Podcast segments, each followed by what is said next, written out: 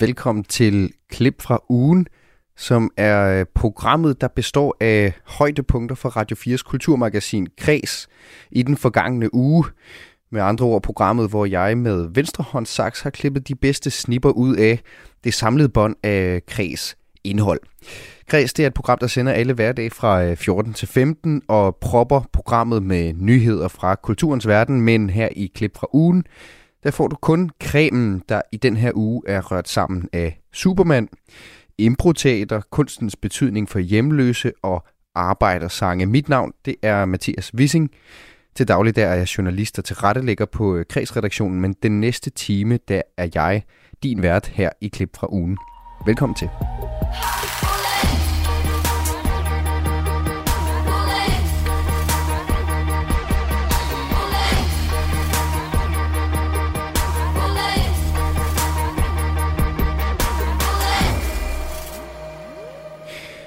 Det første, du skal høre i dag, det har jeg klippet ud fra øh, onsdagsudgaven af Kreds. Her handlede det nemlig om den nye Superman, som i hele det her superhelte-univers er Clark Kents søn.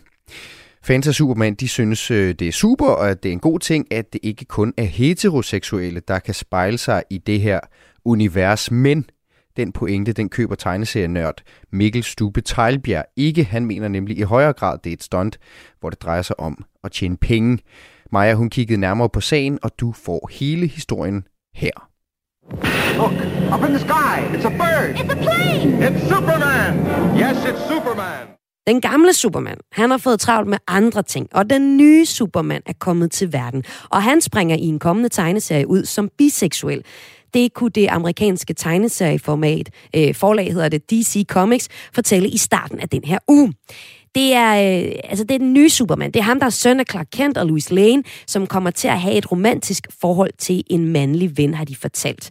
Og det hele sker i udgivelsen, der hedder John Kent finder sin identitet, der udkommer her den 9. november. Flere amerikanske fans, de hilser det velkommen. Der kommer en ny Superman. Han er biseksuel, og forfatteren bag den nye Superman, Tom Taylor, han siger omkring øh, det her valg, at alle har behov for helte, og at alle fortjener at kunne afspejle sig selv i superhelte. Den pointe, den køber Mikkel Stubbe Tejlbjerg ikke. Han arbejder i tegneseriebutikken Stribladen i Aarhus, og han siger, de unge læsere, altså de unge, der går op i køn og seksualitet, de gider slet ikke Superman. De læser ikke Superman. De læser japanske manga-tegneserier. Det fortalte ham, da vi mødte ham tidligere på ugen.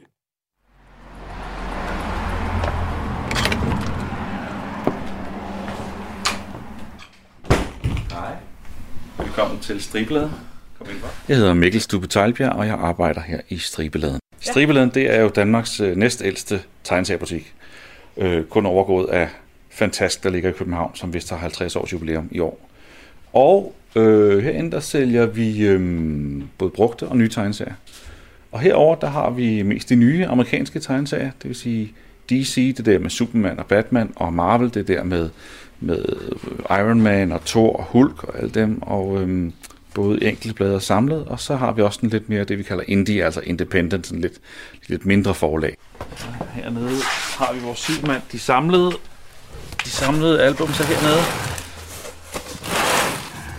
Hernede. Og så heroppe, der har vi så de her blade, som kommer hver, hver uge, eller hvornår, hvornår det nu er, det kommer ikke Superman her. Og der er mange forskellige titler. Her er en, der hedder Superman Red and Blue, som er sådan en masse små historier, lavet tegnet kun i røde og blå nuancer af alle mulige forskellige, øh, øh, både øh, forfattere og tegnere. Og så er der det her Action Comics, som jo startede det hele dengang i 30'erne, så nu er nået op på nummer 1031. Så der har været... Der, den, den kører stadigvæk ufortrødent videre.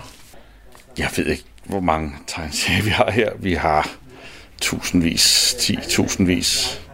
Øh, måske har vi da over 100.000 tegneserier af alle mulige slags. Vi har jo både heroppe i butikken, og så har vi et helt kælderområde øh, nede under, som er samme størrelse som butikken hvor der også står lige så mange, som der står her. Så, ja.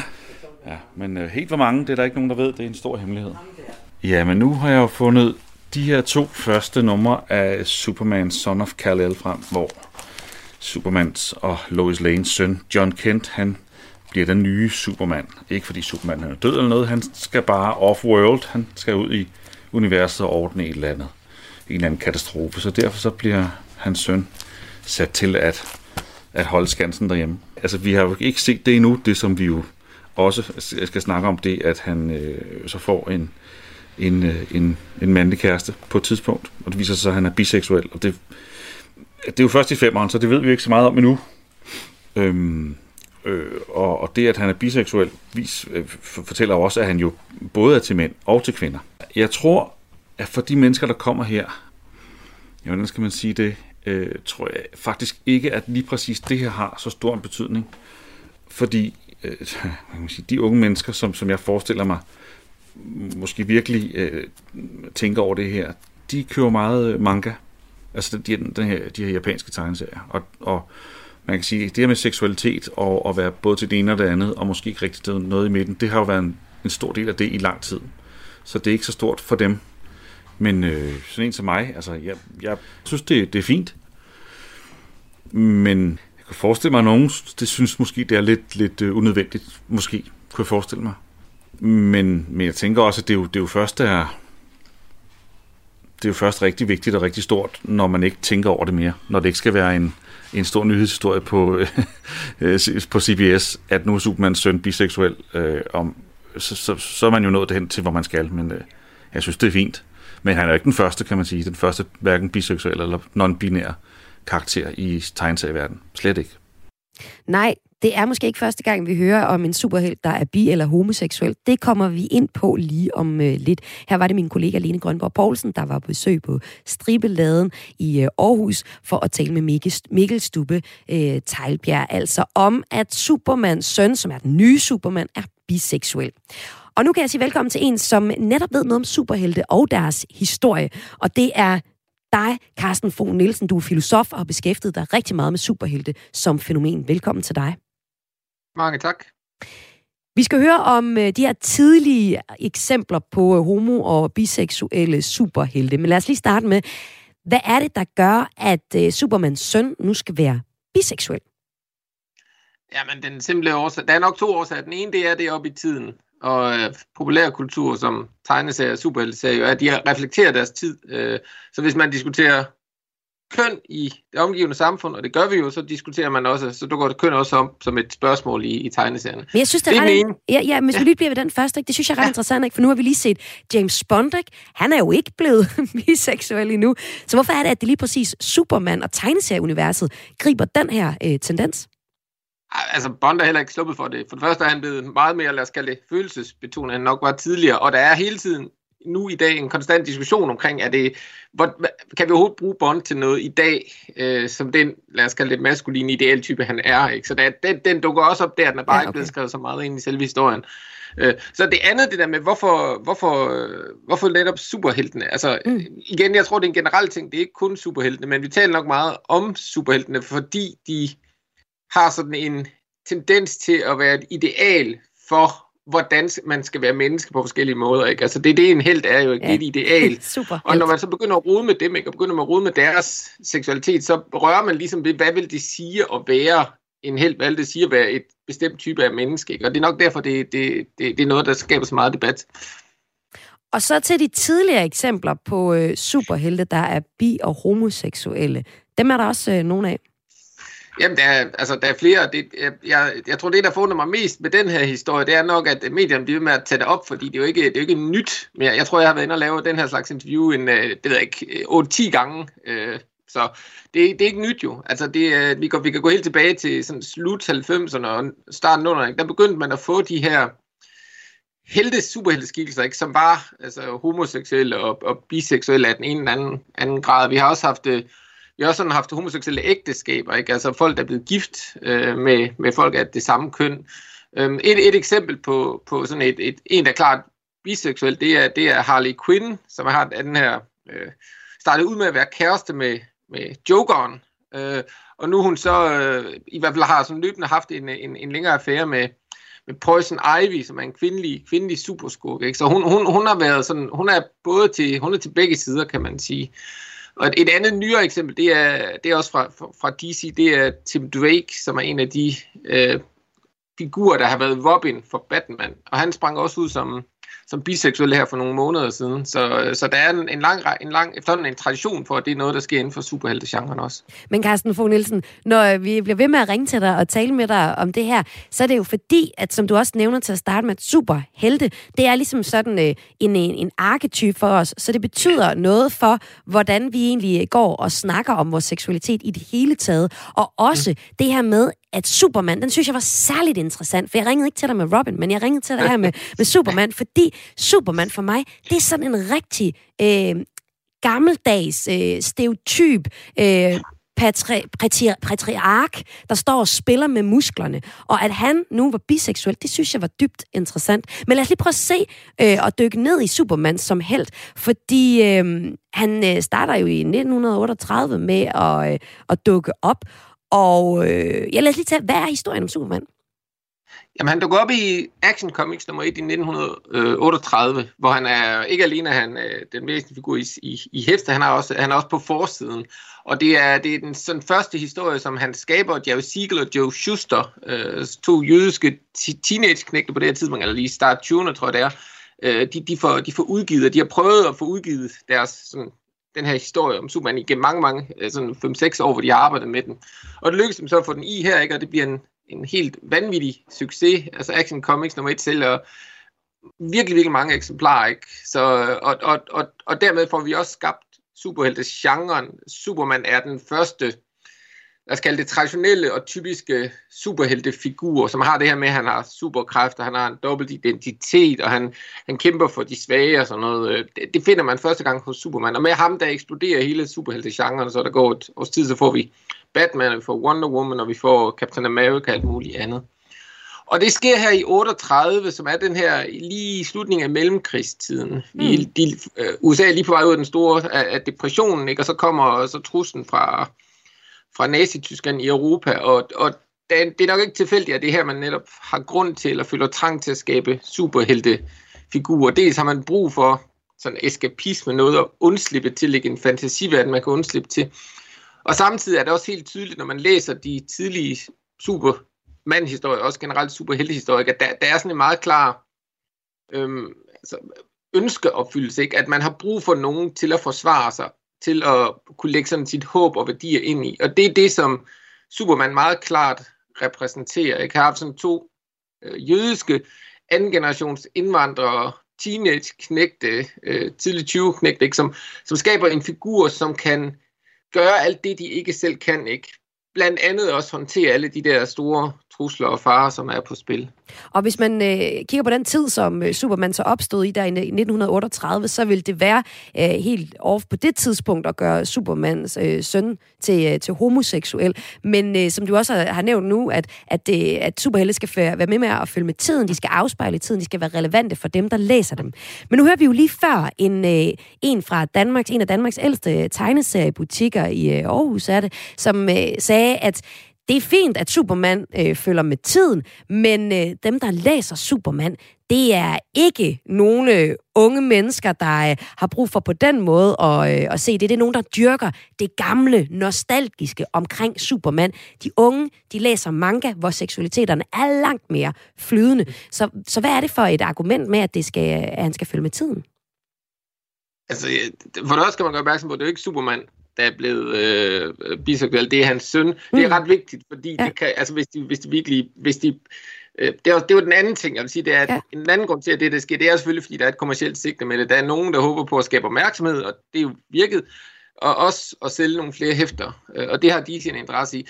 Men hvis man gør det, så smider man ikke sin store figur ud og ændrer sig grundlæggende på dem. Ikke? Så tager man nogle af de mindre figurer, man tager Tim Drake, som er Robin, men ikke den første Robin. Man tager Superman, men ikke den rigtige Superman, ja. men Supermans søn. Og så kan man gøre det med dem, ikke? og så se, hvad der sker, og håbe på det selv, og godt, og at det skaber noget opmærksomhed. Så kan man begynde at arbejde med, med, med, med nogle af de andre øhm, figurer. Men, men Carsten øh, Fogh Nielsen, som, ja. øh, som superhelte-ekspert, den del af det, du er også filosof, tror du så, at den finte virker? Altså, kommer de unge til at smide manga ud i skraldespanden og læse noget Superman nu, fordi han følger med tiden? Det, det tror jeg ikke sådan helt grundlæggende, det ændrer på. Altså, det, det, men altså, der, der er jo stadig brug for, hvis der overhovedet skal være nogen, der vil have lyst til at læse superhelte-serie om 10-15 år, så skal superheltegenren jo også ligesom ændre sig og afspejle det samfund, det er en del af. Øhm, så i den forstand, jeg tror ikke, det ændrer grundlæggende på, lad os kalde det sammensætning af, hvad der er for nogle læsere. Men det er jo igen det der med, det, det afspejler og reflekterer tiden, og, og, og det kan da også godt være, at øh, alle os halvgamle støder, der stadigvæk ser os, læser superheltserier, vi har brug for nogle gange at få rykket lidt på vores, vores opfattelser. Øh, det er også typisk netop, det er, ikke, det er typisk ikke de unge, der sådan har de store problemer med, at man gør den slags ting. Det er typisk folk, der netop har læst de her ting igennem mange, mange år, og har nogle ret faste holdninger til, hvordan tingene skal være. Og sådan sluttede altså øh, Carsten Få Nielsen, filosof og superhelte-ekspert til Maja i onsdags.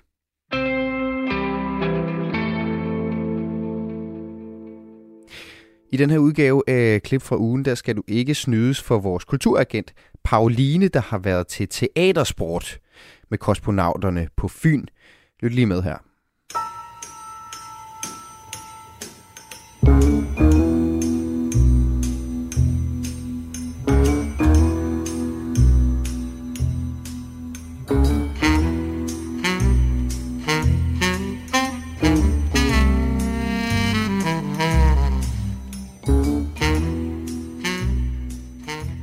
Landet har Kreds lokalt forankrede agenter, der har snuden i kulturen og finder det bedste fra deres egen frem til os her på Kreds og dig, der lytter med altså.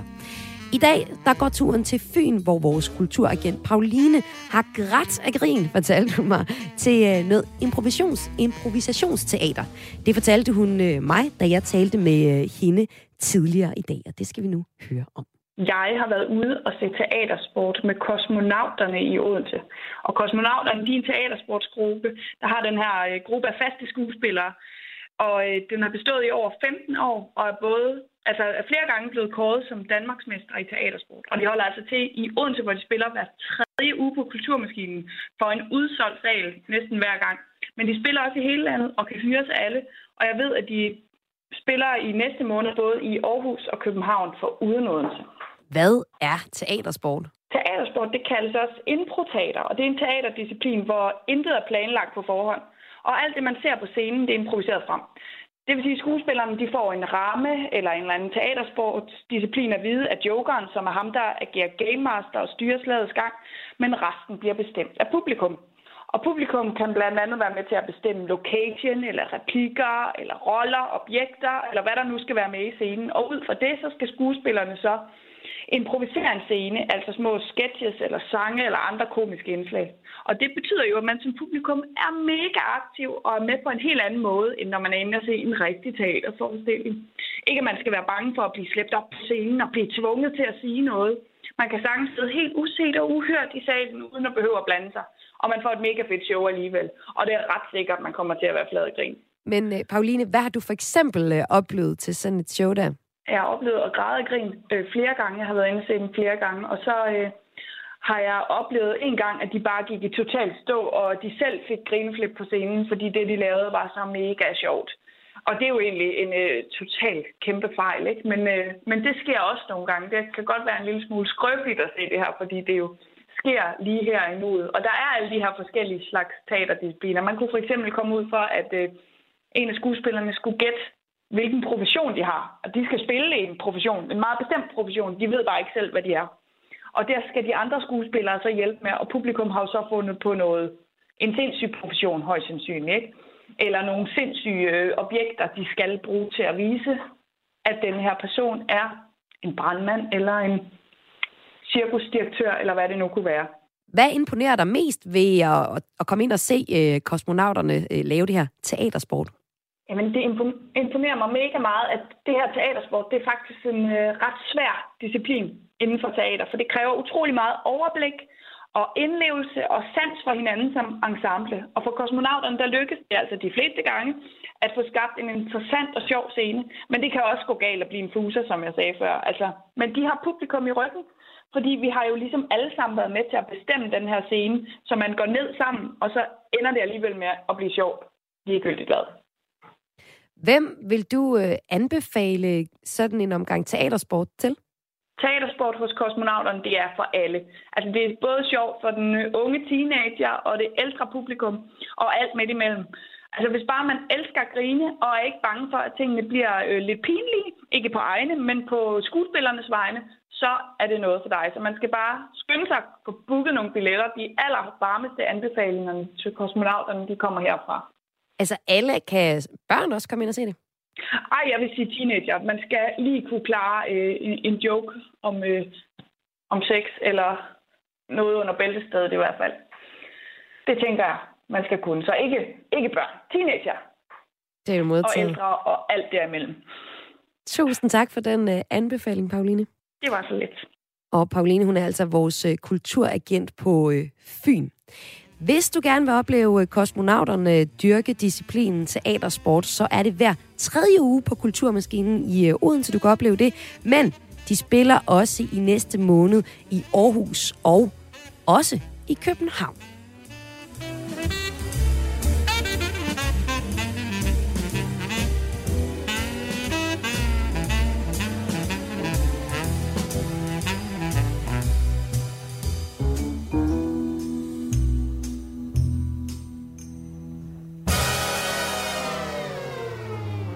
Det var altså vores ugenlige indslag med kulturagenterne. Som sagt, så er kulturagenterne nogle øh, lokalt forankrede agenter, der har snuden i kulturen og finder det bedste for deres egen frem til os. Og lige nu, der søger jeg faktisk nye kulturagenter. Særligt en, der befinder sig på Sjælland, og ikke dækker hovedstaden, men dækker resten af Sjælland. Hvis du godt kunne tænke dig at opleve noget kultur og fortælle øh, om det i øh, Kreds, så øh, send mig en mail til kreds radio 4dk og det er k r a e s radio 4dk www.kultur.dk. Og du skal altså ikke kunne meget andet end have lyst til at opleve noget kultur for os øh, nu og da, og så øh, fortælle om det her i radioen.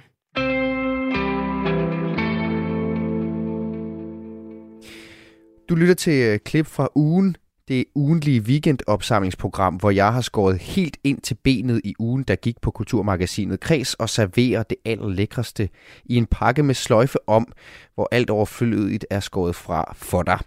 Mit navn det er øh, Mathias Wissing, og øh, når jeg ikke laver klip for ugen, så er jeg journalist på Kreds.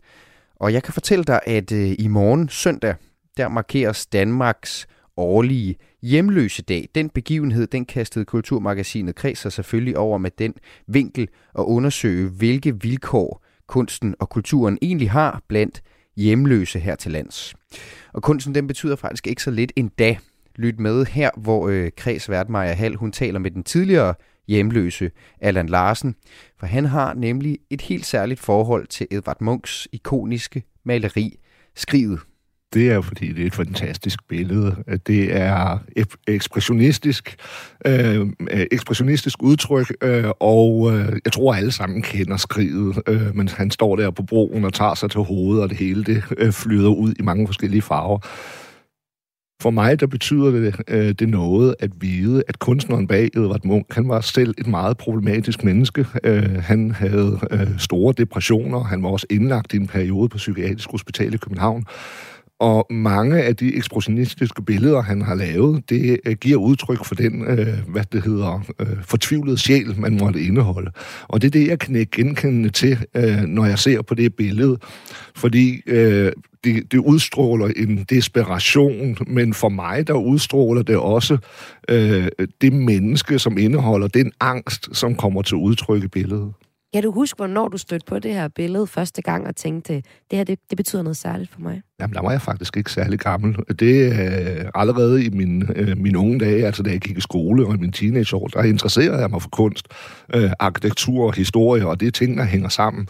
Men jeg opdagede ret hurtigt øh, malerkunsten som værende det medie, der tiltalte mig mest. Og på det tidspunkt, der var det jo mest øh, impressionisterne, altså Monet og Degas og Renoir og alle det der. Øh, og så fik jeg øje på sådan nogen som Picasso og Salvador Dali, og så blev, min interesse den blev vækket i, jamen, hvad er det egentlig, der ligger bag alle de her typer malerier og de kunstnerretninger, der er. Og, øh, og der gik jeg så i dybden med også at lære, øh, jamen hvem er det egentlig, der, der, der har malet de her billeder? Øh, altså, et, en, nu har vi nævnt Edvard Munch, men en anden en, som betyder noget for mig, det er for eksempel Van Gogh. Øh, fordi når jeg ser på nogle af alle hans selvportrætter, jamen så ser jeg ikke bare øh, billedet af Van Gogh, men jeg lægger for eksempel mærke til, at det udtryk, han har i øjnene, det er også den der øh, lidt ensomme sjæl, lidt depressive sjæl så du kan spejle dig selv både i øh, værkerne, men også i, i kunstnerne. Helt sikkert, helt ja. sikkert. Udover skridet, så er du også uh, særlig glad for en silkeborgenser, Asger Jorn. Ja. Det ham, uh, han maler jo også uh, abstrakt, ekspressivt. Nogen vil sige, at han maler sådan lidt barnligt i stilen, og det er også uh, noget, han kan være inspireret af sådan børnetegninger. Ja. Hvordan har Asger Jorns kunst en betydning for dig som tidligere hjemløs? Jamen, det er jo den abstrakte kunst. Altså for nogle mennesker, der er abstrakt kunst, det er sådan noget mærkeligt noget. Altså det er nogle klatter på et stykke papir eller på et lærred. Øh, og hvad forestiller det egentlig? Og der skal man altså sætte sin egen fantasi lidt i gang for at få øh, øje på det, som nu ligger bag ved de klatter og de streger, der nu er lavet. Og tit og ofte, så skal, man, skal det ses på afstand. Øh, og det synes jeg, det symboliserer nogle gange det her liv, vi lever som socialt udsatte, hjemløse eller misbrugere, eller hvad vi snakker om.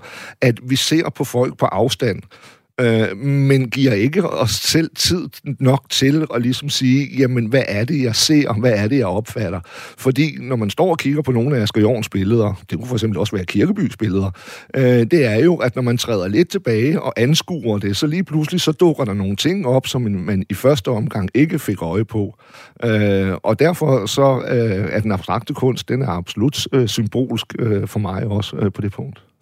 Allan, det kan være øh, helt skørt for nogen at høre dig nævne en hel masse billedkunstnere, når mange, når man siger hjemløs, så forbinder det med nogle ulykkelige sjæle, der ligger ja. i en vissen sovepose under en bro, mm. og vi kigger væk. Jeg gør det selv. Jeg kommer selv til at kigge væk og tænke, det er lidt for pinligt at kigge på det her. Øh, hvad er det, der er i min, min by eller i mit nærområde? Jeg forbinder det i hvert fald ikke sådan umiddelbart med kultur. Hvad var det, der gjorde, at du blev hjemløs? Jamen, det er, øh, jeg har sådan lidt troublesome opvækst og haft øh, sådan hvad skal man sige, lidt øh, en forfaklet tilgang til livet. Øh, og så omstændighederne gjorde, at øh, jamen, jeg faldt i en depression, og så begyndte jeg at tage stoffer, glemte at betale regningerne, altså glemte i anførselstegn, fordi pengene gik til noget, der var vigtigere på det tidspunkt, nemlig stoffer, og så blev jeg hjemløs. Og så på, har jeg fået rettet mig op for igen at falde i den dybe grøft og blive hjemløs. Og det var faktisk først som 40 år, jeg fandt ud af, hvorfor mit liv det kørte op og ned, som det gjorde. Jeg blev diagnostiseret som øh, bipolar, og så fik jeg lige pludselig en forklaring på, jamen hvad er det, der går skævt i mit liv? Og så kunne jeg tage tu med det. Og det der med at komme i kontakt med psykiatrien, det kan være skræmmende for mange mennesker, men vi er rigtig mange i Danmark, som har et eller andet behov for at gå til terapeut eller psykolog, eller hvad det nu måtte være. Og nogle mennesker, de er endda så hårdt ramt, at de skal direkte indlægges. Og der vil jeg da lige nævne, nu står vi her i Aarhus, og alle aarhusianere, de kender Overtorsen fra Rigskov, altså den maler, som vi kender som Overtachi i dag, og som har sit eget øh, øh museum. Fordi øh, vi er, altså, vi er ligesom alle andre mennesker, uanset hvilken skæbne vi har. Altså, vi er ligesom herr Jensen og fru Petersen. Vi interesserer os for musik, eller biograffilm, eller teaterstykker, eller i det her tilfælde for mit vedkommende kunst og arkitektur. Og rigtig mange hjemløse og socialt udsatte, de bruger de medier til at udtrykke sig på, fordi det er en nem måde, som ikke gør ondt når man skriver et digt, eller øh, en historie, eller skriver en sang, maler et billede eller noget, fordi det kan man have for sig selv. Der er så nogen, der vælger at udtrykke det øh, ved at optræde eller hænge malerier op eller på en udstilling. du øh, nævnte her. Eller som ja. Omatachi. Øh, og ja. til lytteren, som måske ikke lige er Midtjylland til forankret der, øh, der er jo lyttere i hele landet her på øh, Radio 4, ja, så er Ovatachi historien om en øh, psykisk syg mand, der er indlagt det rigtig meget af sit liv, og laver kunstværker, som faktisk øh, ender med at blive øh, genstand for et museum, som man har i Aarhus, og også et sted, hvor man prøver at sætte fokus på, at øh, psykisk syge mennesker også kan producere kunst, og det kan være, det kan have et ekstra, øh, faktisk et ekstra lag af interesse for det. Hvordan kommer du så ud af hjemløsheden?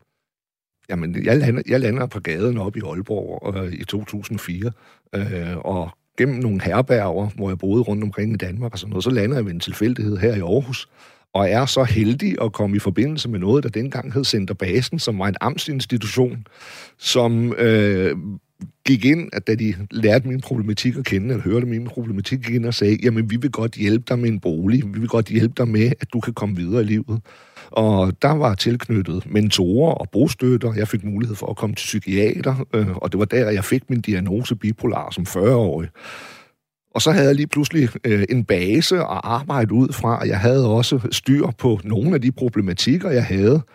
Og da jeg fik diagnosen, så gik det lige pludselig op for mig, jamen nu har jeg noget at gribe fat i. Nu kan jeg mærke, øh, eller jeg kan forsøge at foregribe øh, begivenheders gang, for det var det, jeg tidligere, der havde jeg bare givet op, og så skete tingene i uheldig retning, og så bliver jeg hjemløs eller røg ud i hæftigt misbrug.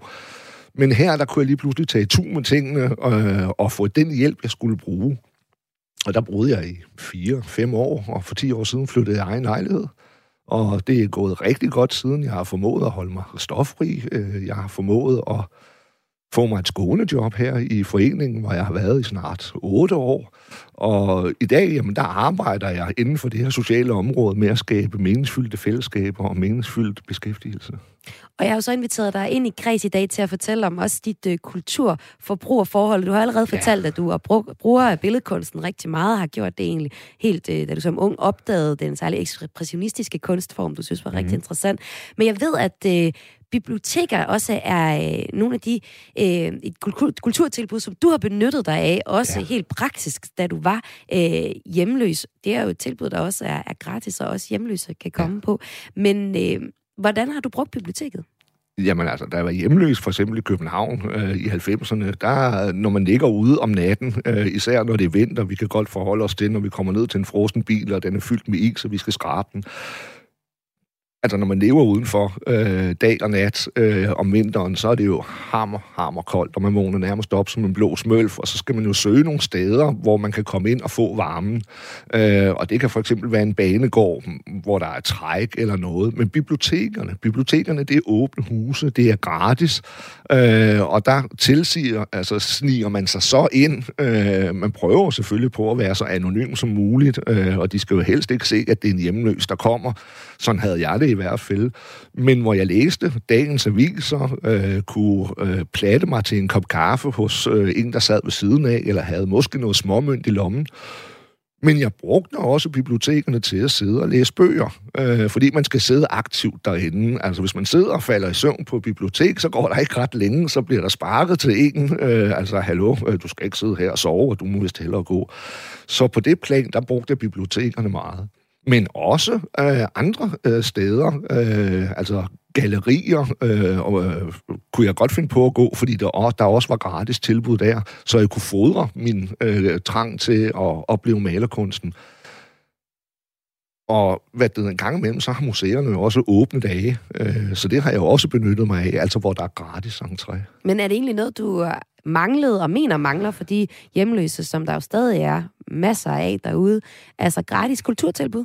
Jamen, det synes jeg. Ikke altså, bare praktiske nej, årsager, altså, men også... Nej, nej, altså i det hele taget, ja. ja. Altså, der er, der er jo mange små tilbud rundt omkring. Det, der er det største problem, det er, hvordan de socialt udsatte hjemløse, de får øje på de her tilbud, fordi mange af dem er jo ikke på sociale medier eller noget. Men det, mit, mit største ønske, det var, øh, at for eksempel museer bliver gjort gratis. Ikke kun for os socialt udsatte og hjemløse, men for hele Danmark. Fordi for eksempel Aros her i Aarhus, det, jeg tror, det koster 120 kroner at komme ind for en voksen. Så hvis man er to voksne og to børn, øh, og skal ind og opleve Aros, og børnene har en vis alder og ikke kommer gratis ind, jamen så er det hurtigt 300-350 kroner for at komme ind. Og øh, der er øh, socialt udsatte familier, altså dem, som vi ligger, øh, siger, ligger på fattigdomsgrænsen, jamen de er begrænset i deres muligheder for at komme ud og opleve det. Øh, så ikke kun for øh, vores skyld, altså de socialt udsatte, men i det hele taget. Fordi vi snakker jo om vores øh, fortid, vi snakker jo om, om vores historie, og jeg synes, det er vigtigt, at øh, alle har tilgangen på lige vilkår. Anna Larsen, lige til allersidst. Øhm, nu har du fortalt om, hvordan du har brugt øh, kunsten og kulturinstitutionerne, og så også har fået rigtig meget ud af at egentlig gå på bibliotekerne, mm. og også de gallerier, hvor der var gratis øh, tilbud. Øhm, noget, vi har fortalt om flere gange her på Kreds, det er, hvordan at øh, kunsten kan bruges øh, behandlingsmæssigt. Hvordan det kan bruges i psykiatrien, og faktisk også andre steder. Og det er ikke, fordi der er nogle øh, kolde tal, der siger, yes, det virker bare, men der er rigtig mange steder, man interesserer sig for det her, fordi man kan se, at det har en betydning for det. Vil det være noget, man kunne bruge mere i forhold til øh, hjemløse? Altså at give kulturen som en, en altså i behandlingsøje med i din mm, Ja, altså selvfølgelig, fordi den altså lige så snart, at øh, du øh, får dig selv øh, til at komme til udtryk, om det så er ved ord, eller ved digte, eller ved sange, eller maleri, eller noget, så tager du jo fat noget inde i dig selv, øh, og formidler ud, måske til et klædeskab eller en skjult væg, øh, men bare det, at du sætter ord på indvendigt, hvad det er, og prøver på at få at, at komme til udtryk, øh, jamen det kan kun gavne mennesket, fordi Øh, det, der tit og ofte er problemet, det er jo, at vi går og, og er inde i vores egne hoveder med de problematikker, vi har. Og hvis man ikke får det ud, jamen, så, øh, så sker der jo ting og sager i negativ retning. Så uanset, hvad det er for en kunstform, man arbejder med, øh, om det er til privat eller til offentlig skue, så er det kun gavnligt. Øh, og som du selv nævner, altså for eksempel psykiatrien, altså de får en pensel i hånden og en farvelade, øh, øh, hvad det hedder, stak, øh, og så begynder de ellers at male. Og det viser sig jo, at vi er jo ligesom alle andre. Der er jo rigtig mange, der laver sange, der maler billeder og så fremdeles. Men muligheden for at blive eksponeret er jo så meget lille for den her gruppe mennesker, i forhold til, hvis man er, øh, hvad det hedder, højere op i hierarkiet, eller har et navn allerede. Allan Larsen, tidligere hjemløs og nu ansat i Foreningen Hus for øh, Bi. Tak fordi gadeliv. Tak fordi, at du var med. Ja, velkommen.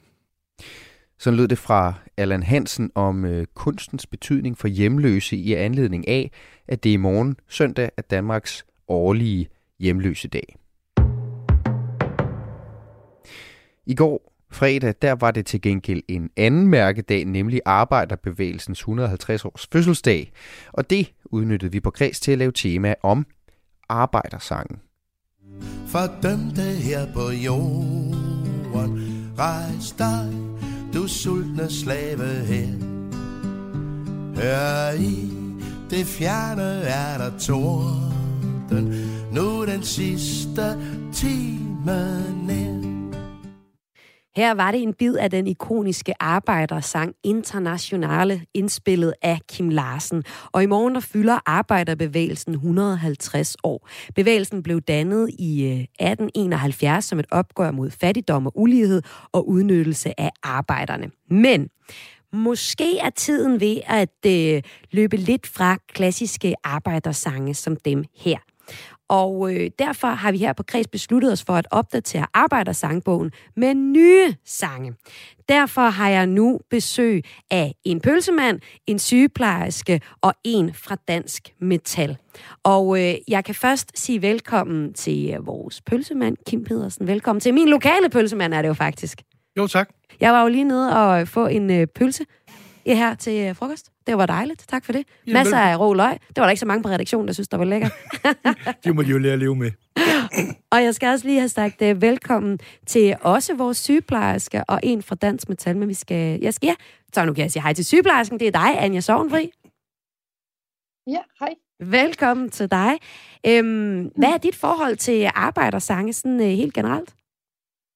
Altså helt generelt kan jeg nok øh, tilslutte mig dem, der også synes, at det kan blive en lille smule pinligt og, og sådan være alt for voldsom i sin udtalelse, også i sangen. Men øh, så derfor besluttede jeg mig for at skrive en, hvor jeg synes, at budskabet kom frem sådan på en super måde, hvor alle kan synge med og tilslutte sig budskabet. Og så skal vi også øh, have Emil Wisman fra Dansk Metal med. Men Emil, du skal lige have tændt din mikrofon. Og den ja, var der der. Åh, sådan der, Emil. Ja, ja. Hej, hvad siger du til, øh, hvad er dit forhold til arbejdersang sådan, uh, generelt? Altså, jeg, jeg må jo simpelthen være helt ærlig og sige, at jeg var på Arbejdermuseet for et par dage siden, og der kom jeg endda til at købe en spilledås, der spiller internationale. Okay. Så altså, jeg er en kæmpe sokker for arbejdersangen. Okay, og, og hvad siger du til det, Kim Pølsemand, hvis jeg må give dig det efternavn? Det må du gerne. Ja. Jamen, jeg er lidt øh, i samme skole. Ja. Øhm, også øh, at en helt gammel skole, og har stået over på LO-skolen om morgenen, da jeg var på kursus derovre, og sunget også øh, rødt flag og snart dages til brødre og røde vildfred må vi aldrig glemme. Så I kan, der er lidt øh, blandet øh, forhold til de her arbejdersange, men I har jo i hvert fald øh, sagt ja til at hjælpe mig med at opdatere arbejdersangbogen, så vi også kan få noget nyt ind i den her i anledningen. Arbejderbevægelsen fylder 150 år i morgen. Og dig, der lytter med, du må øh, også rigtig gerne sende en sms ind på 1424. Skriv R4, lav et mellemrum, og skriv, hvad det er for en sang, du bruger, når du øh, skal arbejde, når du skal sådan i øh, rigtig godt øh, sving. Der er en, der skriver ind på messen, med sms'en, han skriver øh, Future Funk. Og jeg ved ikke, om det er bare genren i det hele taget, at vedkommende godt kan lide. Men øh, hvis du har noget mere specifikt, så skriv endelig nummeret ind, og skriv lige om, øh, hvor du er fra i landet. Så kan det være, at jeg spiller lige præcis øh, dit nummer i slutningen af programmet. Men vi skal jo først høre jeres tre sange, og vi starter med din, Kim Hedersen, Hølsemanden. Du har valgt Big Stock Røgsystem med sangen Fabrik. Hvorfor har du valgt det som en opdateret øh, udgave til sangbogen? Jamen, den, den, den tiltaler mig bare. Øh, den fortæller, det er måske en mere moderne udgave af, af, hvad det vil sige at gå på arbejde. Sådan, jamen, den har altid tiltalt mig, synes jeg. Den kan, den kan bare noget, men altså, er det også noget, dit, øh, altså det er jo sådan en, hvor de synger sådan flere gange, arbejde, arbejde. Er det sådan, du også har det, når du står nede i pølsebæksen? Nej, jamen det, da jeg startede med at høre den der, det var da jeg var tilbage. Jeg har jo haft en fortid som fabriksarbejder, og der, ah. passer, der passer den meget godt ind, synes jeg. Ja, det kan jeg godt forstå. Lad os lige høre lidt af den her. Den hedder Fabrik med Big Stock Røgsystem. Arbejde, arbejde. Arbejde, arbejde. Arbejde, arbejde. Arbejde, arbejde. Arbejde, arbejde. Arbejde, arbejde. Arbejde, arbejde. Mandag morgen på den gamle fabrik. Drejer en rørtang, trækker et stik. Jeg er magtfuld. Flytter rundt på noget savsmuld. Stempler ind klokken halv syv pragtfuld. Solen skinner som altid. Arbejder halvtid, heltid, fuldtid, deltid, overtid. Kommunikerer med intercom. Sommergik med sol og slik og rom. Vinter kom. Går på job for min lomme tom. Rom, pop, pop, pop, pop, pop. Trækker en tærte, vender den om. Tårnen skriger, men jeg bliver ved min samlebånd. Check, check ind, når jeg arbejder hårdt. Check ud fra min lægerplads i Spejdersport. Yeah, bare på stu, soveposer ned i kasser. Giv det gang, hvem der reparerer luftmadrasser. 10 minutters frokost, ikke tid til snak. Varm, varm kop vand og en madpakke. Så i gang igen, arbejde, arbejde. Tæl stangen igen, arbejde, arbejde. Som den her vagtmand. Slipper kul i en vagtspand.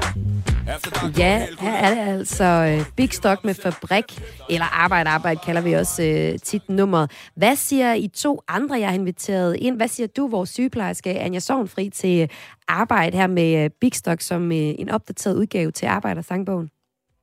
Jamen, jeg synes, at den kommer, den kommer ret om, godt omkring øh, nogle områder i, øh, i faget. Altså, jeg tænker, det er, hvordan metal, var det sådan? Ja. Jeg havde, jeg havde meldt den ind. Så Nå, nej, det var tænker, vores ja. pølsemand, der havde øh, meldt den ind.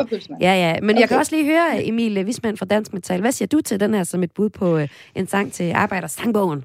Som vi er i gang med at opdatere. Jamen, altså virkelig kado til, til pølsemanden. Kim var det ikke det, du hed, tror jeg. Jo. fordi jeg synes, det er enormt godt spottet. Den får jo altså virkelig bare omkring det her arbejdsliv og tjekke ind, tjekke ud, stempeluret også med. og det er jo faktisk så meget, at 3F faktisk bruger den her som intro til deres podcast, Fagbladet 3F også. Så den må virkelig være en god kandidat, synes jeg. Ja, okay. Og så går vi videre til dig, Anja Sovnfri. Du er sygeplejerske, og du har faktisk selv skrevet en ny arbejdersang, vi skal høre. Hvad er det for en sang, du øh, selv har skrevet? Ja, jeg har i hvert fald lavet teksten til en, en kendt øh, melodi, som øh, Milord øh, med Edith Piaf.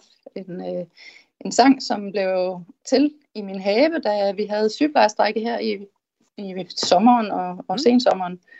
Og jeg gik, der var nogle ord inde i mit hoved, som, som trængte til at komme ud, og så fandt jeg en melodi og prøvede at sætte ordene sammen til en sang. Og ja, det blev jo faktisk uh, sunget rundt omkring i landet på sygeplejerstrækkens mange aktivitetsdage, og Cindy Laversen var, gik også i studiet og lavede den. Dansk Sygeplejeråd var hurtigt til at fange nogle professionelle til at få den indspillet, og så har vi hørt og, og sunget den rundt i sommerdagene. Så jeg sygeplejersker har sunget den øh, i sommerdagene, som du fortæller, men er det en sang kun for sygeplejersker, eller kan andre faggrupper eller arbejdere også bruge den? Ja, det er jo det. Den er jo faktisk ikke skrevet. Der er jo ikke nævnt noget om, øh, at det er sygeplejersker, der synger den her, så den kan ruse inden for mange fag. Øh, nok især sådan de kvindedominerede fag, som øh, ønsker lige løn og, og, og en anden lønindplacering. Jamen lad os høre den. Den hedder Vi er mere værd, og den er altså skrevet af dig, eller du har i hvert fald skrevet teksten her, Anja Sovnfri, og så vokal fra blandt andet Cindy Laversen. Vi vil have mere i løn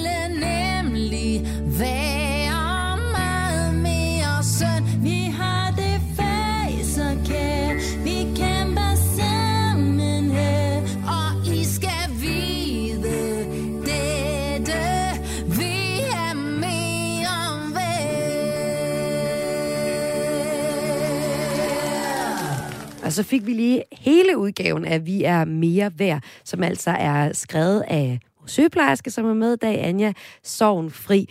Og øh, så kan jeg lige tænke mig at høre jer andre. Lad os starte med dig, øh, Kim, vores pølsemand. Hvad siger øh, du til det her nummer? Det er noget, du også godt kunne, kunne scrolle med på? Ja, fuldstændig. Den, den kunne sagtens gå ind i den opdaterede udgave af, af den røde sangbog. Ja, ja. Og hvad siger vores øh, mand fra Dansk Metal, Emil Wisman? Altså, jeg synes bare, det er så fedt, at der er nogen, der stadig laver, øh, altså, laver nye arbejdersange, når der kommer en konflikt. Øh, kan du til dig, Anja? Og den skal der helt klart med. Den skal helt klart med. Og det kunne jeg også godt tænke mig at høre dig på uh, sms'en. Det kan også være, at du har skrevet en sang selv, eller bare har noget musik, du godt kan lide at lytte til, når du arbejder. Så smid mig, hvad det er for et nummer ind på 1424. I beskeden skriver du R4, laver et mellemrum og skriver din besked. Og så kan det være, det er dit nummer, jeg spiller i slutningen af programmet. Øhm, og så skal vi selvfølgelig også øh, have det sidste nummer med. Det er fra dig, Emilie Wisman. Du har øh, også været med til at opdatere en arbejdersang allerførst. Hvad er det for en? Øh, det er faktisk sjovt. Det er, øh, jamen det er jo, I Dansk Metalarbejderforbund, der er jo en, en gammel god sang, eller god sang, den hedder Den Sorte Smed, øh, ja. som er en, en sang, hvor man simpelthen, at den har nogle, nogle lidt ældre stereotyper. Jeg synes, den trængte en opdatering. Hvis, er der tid til, at jeg kan komme med et lille eksempel fra ja, den, for eksempel? Ja. Og når den store tørst sig melder, går smeden ud og slår et slag. Han mange bajer i sig heller, det hører med til smedens fag. Han spytter ej i glasset, men drikker i et drag, for alle er vi smede fra vugge og til grav. Oj. Øh, så, og det er jo så bare et af versene. Øh, så, Voldsom dropkultur, der lige bliver at, nævnt her også. Kan man, kan man, stå, ja, ja. kan man stå inden for det, Emil Wisman? Nej, nej det, kan, det, kan man jo, det kan man jo ikke mere. Arbejdsmarkedet har jo ændret sig markant, det det. Øh, og jeg kan fortælle, at, at bare fordi man er smed, så behøver man ikke at øh, drikke sig fuld hele tiden mere. Øh, så jeg synes, den trængte til en opdatering. Ja. Øh, så jeg har faktisk lavet en, en opdateret version, som så inkluderer alle øh, metalsfag. Kan vi høre lidt af den? Ja, øh, altså det, det kan vi godt. Der er jo... Øh, Altså, du kan se, hvad, faktisk for at tage det vers med, og når den store tørst som eller, det har jeg lavet om til på arbejdet, metalleren møder og kendes for sit håndelag. I fagets magt med oprejst pande, med mod tager sin arbejdsdag, og for sin stolthed kræver respekt på lønningsdag. Metaller er vi alle, vi kæmper vores sag. Oj, øhm. sådan. Så kom der også meget svung på, det kunne jeg se, du, ja. Øh, du synes, ja. Øh, Kim. Ja, ja, det kunne noget, det en opdateret udgave her. Men er det egentlig noget, I... Altså, hver jeres øh, fag har jo fordomme. Altså, jeg kom til at spørge dig, Kim, nede i pølsevognen, der spiser du så pølser hver dag? Og, ikke? og så er der det her med, at hvis man er, arbejder med metalarbejde, så drikker man en masse bajer, og sygeplejersker der jo også, I brokker jeg bare over lønnen hele tiden. Altså, er det egentlig noget, I godt kunne tænke jer, der sådan, uh, indgik i de uh, kampsange, I havde med? Altså, man ligesom slår de der fordomme uh, lidt til hjørnet. Jeg kan jo starte med at spørge dig, Kim. Jamen, ja og, ja og nej, fordi vi må også godt, vi må også godt huske vores historie i vores, vores fag. Ja. Øh, jeg er selv uddannet slagter, og der er jo også lidt den der med, jamen, jamen vi gav den også gas øh, på slagterierne og med at, at, at drikke i gamle dage. Øh, det var helt normalt. Øh, og det, det er historie? Ja. Det er historie, ja. øh, helt klart. Det gør man ikke længere, men, men vi skal ikke glemme vores historie. Hvad siger du til det, øh, sygeplejersken? Anja? Øh, jeg synes heller ikke, vi skal glemme vores historie, men vi skal absolut også øh, tænke på fremtiden, og jeg synes, at det er vigtigt, at vi øh, har et godt og velfungerende sundhedsvæsen. Så, tidligt, så sent som sidst, tidligt på sommeren her, hvor Christian Eriksen blev syg på banen, fandt vi ud af, at der er intet, der betyder mere ja. end vores sundhed. Intet andet er vigtigt. Så jeg synes, at det er vigtigt, at vi også får en, en løn, som, som vi fortjener i, i det her fag. Vi ved alle sammen, hvor vigtigt det er, når vi har brug for hjælp, at vi kan få det. Den sidste sang, vi skal have med her i vores opdaterede udgave af Arbejdersangbogen, den øh, byder du så ind med, Emil. Det er nemlig ikke din egen, men det er en anden popsang, som du øh, har valgt. Hvad er det for en? Jamen, øh, altså jeg har valgt Giv mig Danmark tilbage øh, med Natasha. Ja. Det, jeg kan se allerede. Hvad siger, hvad siger du til det, øh, Kim Jamen, Pølsemand? klasse. Klasse, siger, bliver der sagt her. Hvad siger du, Anja? Du, jeg tænker, du også kender nummeret. Ja, jeg kender den absolut. Jo, den, den er også god, ja. Den er også god. Så vi kan faktisk godt uh, stemme alle tre uh, sange uh, ind i den nye uh, arbejdersangbog, hvis vi skulle uh, lave et tillæg til den. Ja. Ja, I var sådan, ja, ja selvfølgelig. Lad mig nu for fanden høre det nummer der. Det skal I også få lov til at høre. Jeg splitter, spiller nu Giv mig Danmark tilbage med Natasha. Og så vil jeg sige tusind tak, fordi I var med her. Anja Sovnfri, sygeplejerske, Kim Pedersen, pølsemand og... Øh, Emil Wismand fra Dansk Metal. Tak fordi I alle tre var med her i Kreds. Og du skal selvfølgelig ikke snydes for øh, Emil Wismand fra Dansk Metals bud på et bidrag til en opdateret udgave af arbejdersangbogen Natasha skimmer Danmark tilbage. Men efter Natasha, der får du ikke mere klip fra ugen, er nemlig ved at være overstået, og Kreds er tilbage i din Radio 4 på mandag kl. 14 og resten af ugens hverdage. Mit navn er øh, Mathias Wissing, og jeg mangler kun at ønske dig en rigtig god lørdag.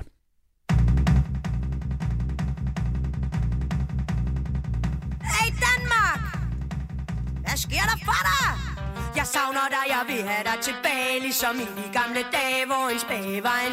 Jo, jeg vil have dig tilbage Ligesom i de gamle dage, hvor en fri fugl var fri Og hvor man mente, hvad man sagde Hey Danmark!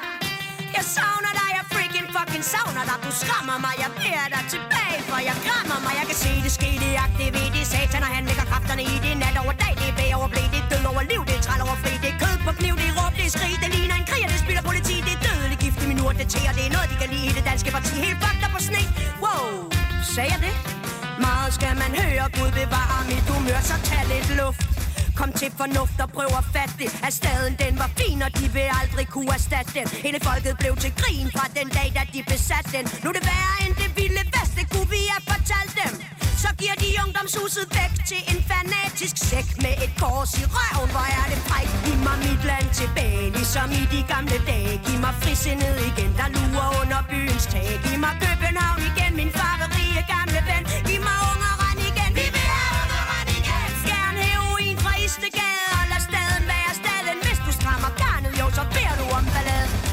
Det er det er snik, det er top retorik Det er ikke politik, det er pisser polemik. Her kører det fedt, så vi keder os lidt. Vi har indsigt, hvad med et ulandskig? Jordkloden er slidt, børn er falit Tro mig, i Danmark, der har vi det fint Så ufatteligt godt, at det er vores blik. Og gør noget fra der, hvor det er skidt. Verden er vores fremtid, men vi fatter det ikke. Vi har for travlt med at forbruge vores egen butik. Så giv mig Danmark tilbage Ligesom i de gamle dage. Giv mig frisindet igen, der lurer under byens tag. Giv mig København igen, min far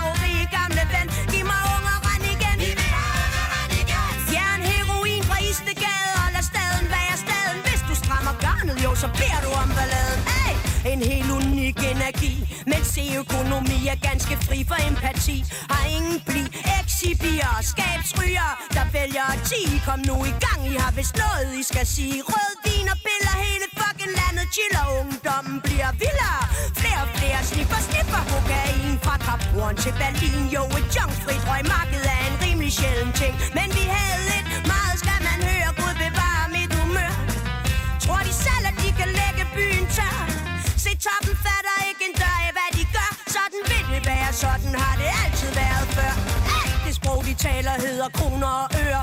Og en grådig mand har aldrig været svær at forføre. Se grådighed går hånd i hånd med magt og større Vil have større, mere vil have mere. Staten er jo helt op og gør tag lidt luft. Kom til fornuft og prøv at fatte det At Danmark har det fint, og USA kan ikke erstatte det. Giv mig ungeren igen, vi vil have ungeren igen. Giv mig København igen, min favorit